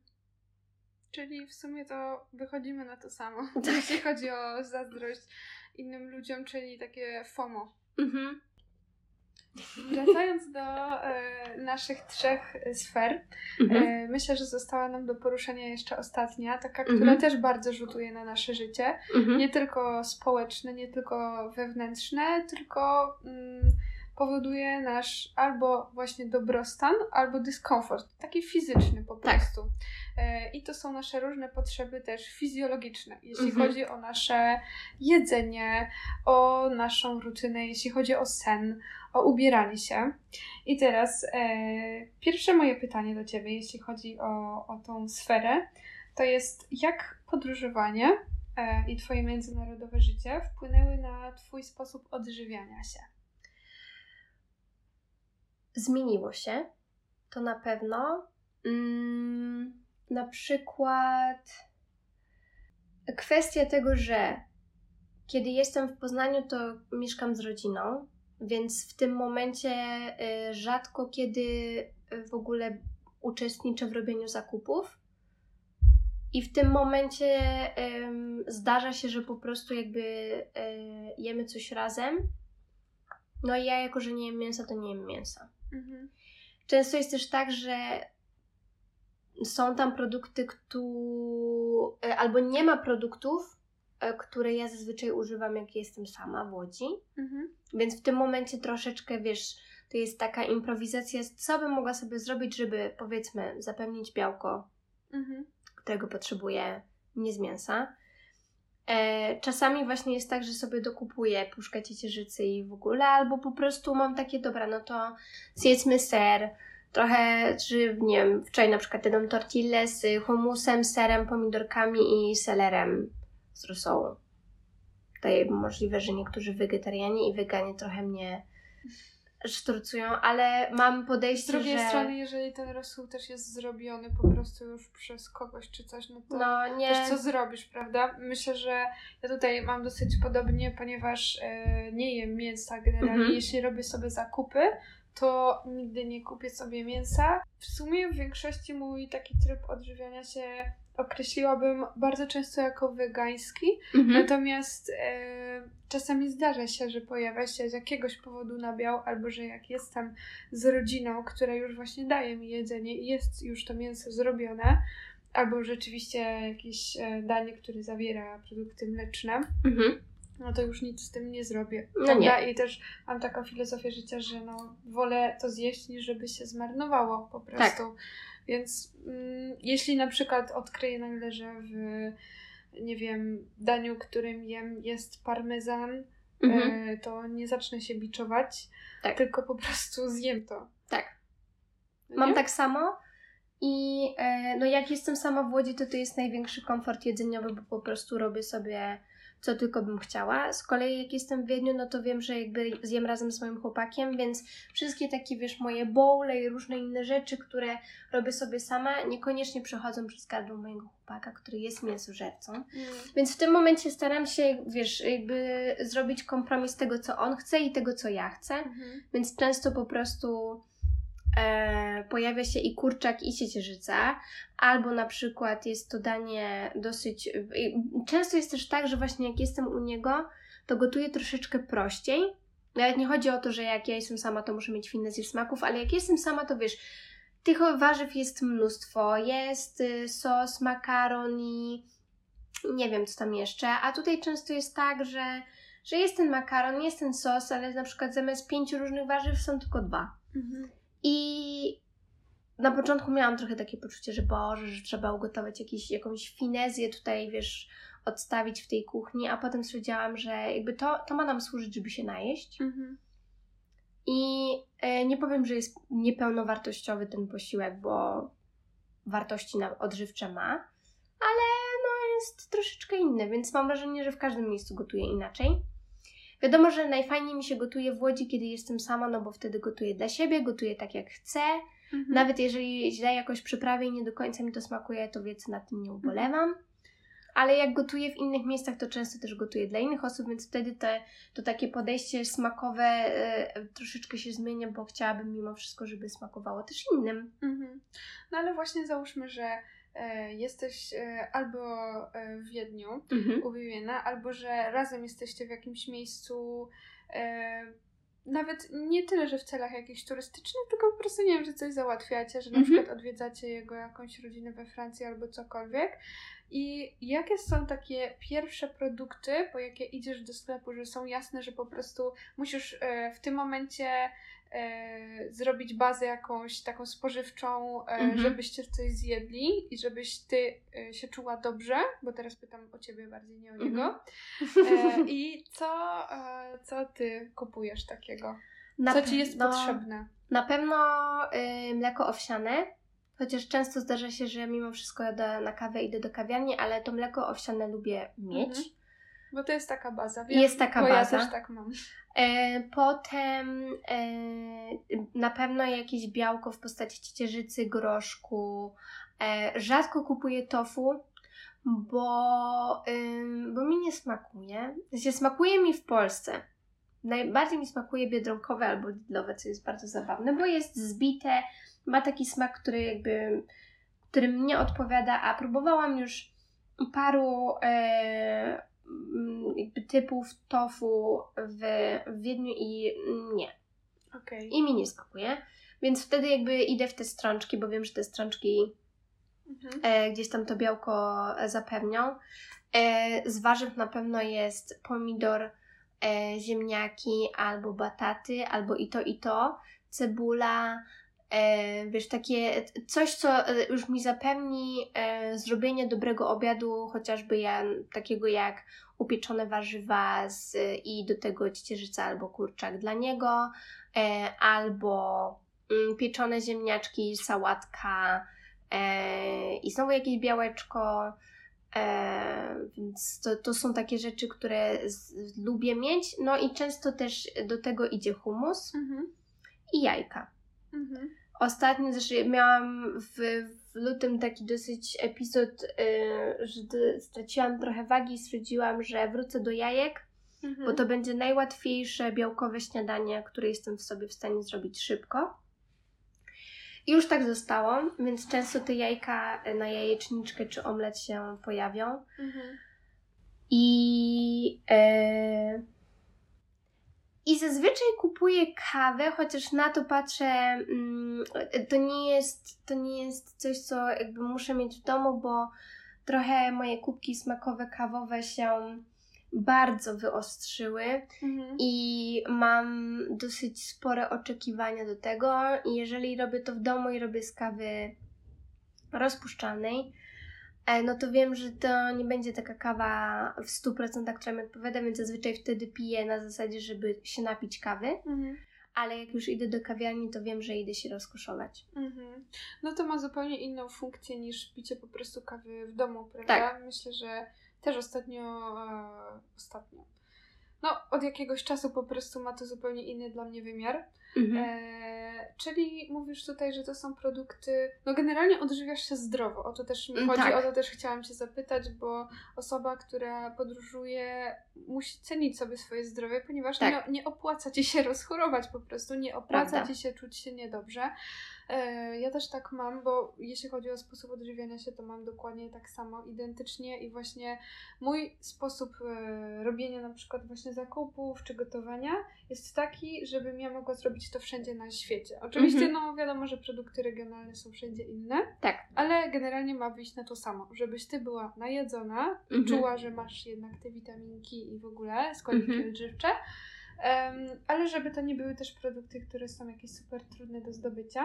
A jak na przykład jest u Ciebie z jakimś ruchem? Czy Ty, e, czy ty w jakiś sposób uprawiasz sport? Albo czy jest ten ruch dla Ciebie ważny?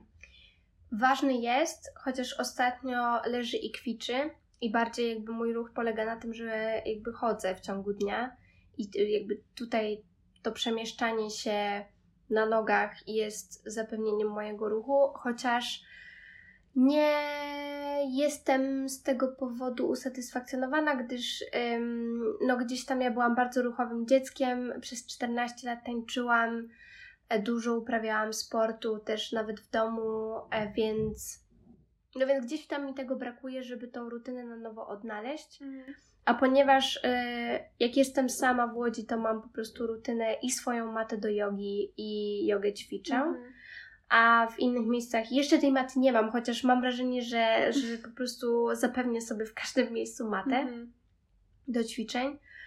E, to wiem, że wtedy trochę bardziej do tego wrócę. Staram się mimo wszystko rozciągać, bo wiem, że mam różne takie zastoje mięśniowe, a w tych zastojach mięśniowych gromadzą się różne i napięcie, i stres, i, i emocje, więc gdzieś tam nad tym staram się pracować. Mm, często też właśnie jak jestem z chłopakiem, to automatycznie dołącza do tego taniec, mhm. bo gdzieś tam wieczorki taneczne mhm. się pojawiają.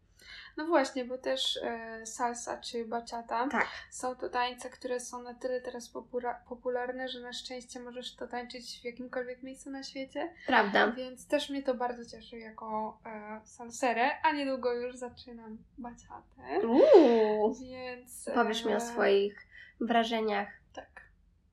Bo to jest trochę, trochę inny vibe. Tak, tak, zupełnie inny, ale no w każdym razie y, szukamy sposobów na, y, ruch. na ruch, które są uniwersalne, gdzie tak. możemy robić to po prostu wszędzie na świecie.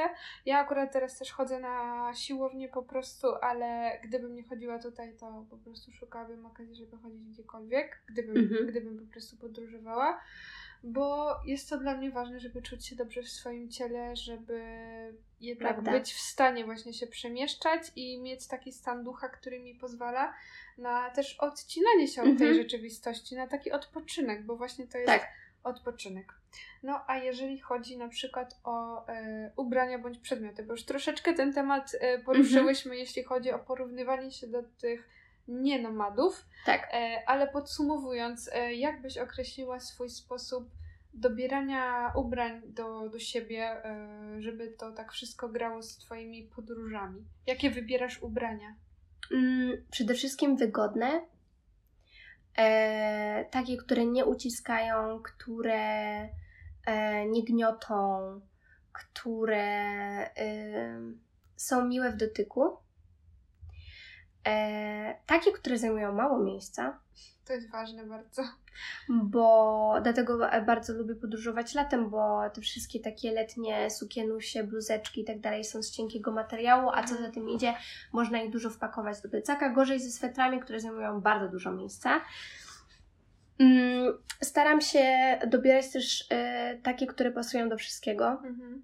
E, więc moja szafa czasami bywa po prostu monotem- monotematyczna mimo że jest tam dużo kolorów, to po prostu e, są to bluzki, e, czy sweterki, czy jakieś e, koszulki, które są gładkie, bez żadnych wzorów. Mhm. E, bo wiem, że e, moje doły, czy to jakieś spódniczki, czy, czy spodnie zazwyczaj są też jednolite, ale ze spódniczkami bywa inaczej. I w tym momencie wiem, że jeżeli bym coś zabrała, to chciałabym, żeby dana bluzka mogła pasować do wielu różnych opcji. Mhm.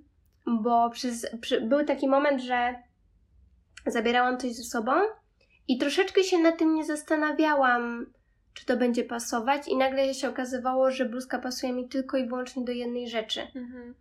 A wtedy jakby orientowałam się, że troszeczkę bez sensu się zapakowałam, bo zabrałam miejsce, bardzo cenne przecież w tym plecaku, który musi się zmieścić pod e, siedzeniem.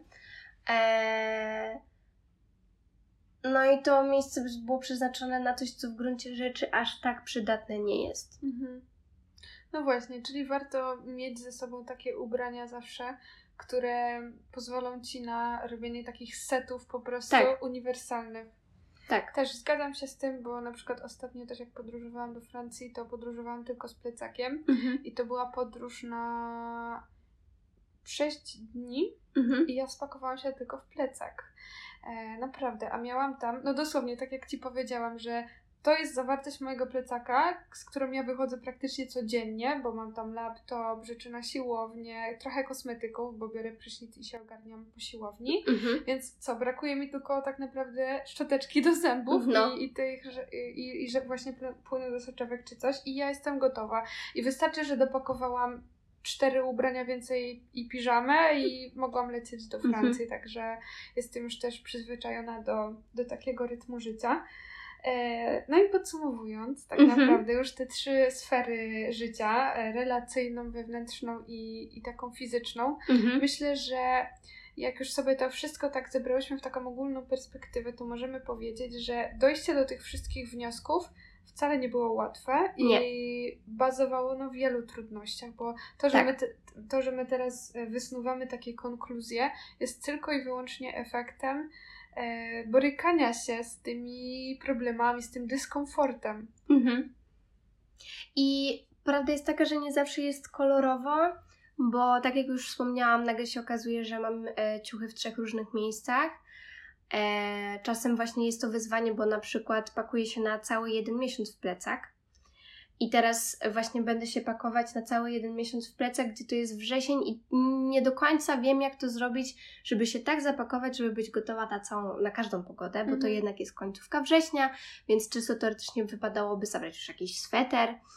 E, no i w tym momencie jakby pojawia się pytanie, jak to zrobić. Z trzeciej strony właśnie też w ogóle aspekt tego jedzenia, bo rzeczywiście nad tym staram się pracować, ale prawda jest taka, że jak teraz miałam je- jednodniowy wyjazd do Łodzi, to nie do końca się dobrze zorganizowałam z jedzeniem. Też kwestia tego, że byłam u fryzjera przez 3,5 godziny, ale y, wiesz, jakby w ciągu dnia zjadłam, okej, na śniadanie sobie kupiłam kanapkę, więc byłam szczęśliwa. Potem y, zjadłam ciastko z kawą.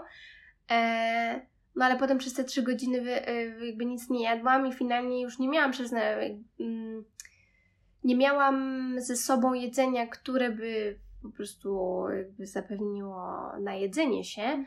więc wiesz, trafiłam do, do kawiarni, żeby po prostu na obiad zjeść śniadanie e, i, i tak spędziłam cały dzień, więc bywają takie momenty, kiedy przez, ten, przez tą podróż, przez te ograniczenia czasowe, przez, przez loty, przez ograniczenia w ogóle później na przykład, nie wiem, kwestia tego, że no wody nie możesz zabrać e, przez kontrolę, Mhm. różne ludzie mają opory, żeby napełnić w, e, butelkę wodą z kranu na lotnisku. Mhm. Z drugiej strony woda na lotnisku kosztuje też e, niemałe pieniądze i finalnie wiesz, potem spędzasz 3 czy 4 godziny bez picia, co też nie należy do najlepszych nawyków. No nie. Więc bywają, że są dni lepsze i gorsze, jak to w ogóle w życiu. Bywają, e, wiesz, pozytywne aspekty chociażby tych, tych pytań, które dostaję, bo po prostu ludzie Mhm. kojarzą, że byłam we Francji, ludzie kojarzą, że jestem w Austrii, ludzie kojarzą, że często latam samolotem, Mhm. więc jakie są moje tipy, ludzie kojarzą, że się przemieszczam, więc jak to organizuję, wiesz, z całym swoim życiem, w ogóle zapleczem i tak dalej, Mhm. że gdzie jest, gdzie jest ten moment w ogóle na zatrzymanie. Mhm. I ja wtedy mam takie poczucie, że ja się zatrzymuję, kiedy się przemieszczam, bo zatrzymuję się, kiedy jestem w samolocie, który Tak. się przemieszcza. No. Zatrzymuję się, kiedy jestem w pociągu, który się dobre- przemieszcza. To jest dobre podsumowanie tego, jak się zatrzymujesz generalnie. Em, I cóż, no, będziesz się borykać z tym jeszcze przez pewnie Tak. całe życie, więc fajnie, że sobie uświadamiamy takie różne rzeczy teraz, bo po prostu możemy nad tym pracować. Dokładnie. I myślę, że właśnie dosyć dobrze podsumowałyśmy, a może Mhm. za- za- zaznaczyłyśmy właśnie chociaż część tych rzeczy, o których nie mówił Nomadzi, bo ogólnie tych rzeczy jest mnóstwo, Tak. włącznie ze wszystkimi komplikacjami też w trakcie podróży, takimi jak Tak. kupowanie biletów, przebukowywanie różnych rzeczy, Spóźnianie zmiany, się prawie na spóźnianie samolot. albo spóźnianie się samolotów. Tak. To są rzeczy już, e, których nawet nie sposób wymieniać, więc możemy tylko liczyć, Basiu, Mhm. i tego Tobie życzę też tak na sam koniec, że będziemy po prostu trafiać na osoby i otaczać się takimi osobami, które będą miały na tyle dużą dozę zrozumienia i szacunku do nas, że będą to rozumieć, a Mhm. przynajmniej starać się. Taką też mam nadzieję i tego Tobie również życzę. No i cóż, jeżeli e, pojawią się jakieś pytania tutaj od naszych słuchaczy, to zapraszam serdecznie do ich zadawania, bo przestrzeń na kolejne pytania jest i chętnie w ogóle udzielimy tych odpowiedzi. E, swoją drogą, jakby każdy też ma zupełnie inne podejście, bo znam paru nomadów, którzy w ogóle mają z, y, inaczej w ogóle podchodzą do takiego typu, trybu życia. E, I też dobrze się z tym mają, więc mam wrażenie, że no w każdej grupie społecznej są wszystkie kolory tęczy, Mhm. e, które gdzieś tam się zazębiają, bo możesz trafić na osobę z pogranicza Twojego koloru, ale równocześnie możesz też trafić na osobę z zupełnie innego, innej barwy. I, no i siłą rzeczy mm, jest wiele punktów wspólnych, o których zresztą tutaj rozmawiałyśmy. E, Jest też wiele punktów różnych, które gdzieś tam się pojawiają, chociażby w samym podejściu, czy w ogóle jakby w odbieraniu niektórych e, aspektów. No ale to jest po prostu, e, ale nadal jakby tym, tym trzonem, tym mianownikiem jest kwestia przemieszczania się ciągłego, Mhm. częstego i intensywnego i, i ten mianownik nadal pozostaje. Tak, i, i pozostanie z nami jeszcze na długo. I dziękuję Ci, Basiu, że pozwoliłaś mi na taką inną rolę w trakcie tego podcastu, bo było to Proszę. inne, ale bardzo przyjemne, bo chciałam też poznać Twoją opinię na mm -hmm. temat y, tych wszystkich aspektów. Także dziękuję Ci bardzo y, i pozdrawiam naszych słuchaczy. I mam nadzieję do usłyszenia niebawem w do kolejnej usłyszenia. rozmowie filozoficznej na tematy ciekawe. Podróżniczo, lifestyle'owe. Dziękuję. Dokładnie tak. Dziękuję Ci również. Dziękuję Wam bardzo za wysłuchanie tego odcinka, pierwszego po powrocie, więc mam nadzieję, że był to miły odcinek dla ucha i że miło się bawiliście. Koniecznie dajcie znać, co myślicie, jakie są Wasze wrażenia.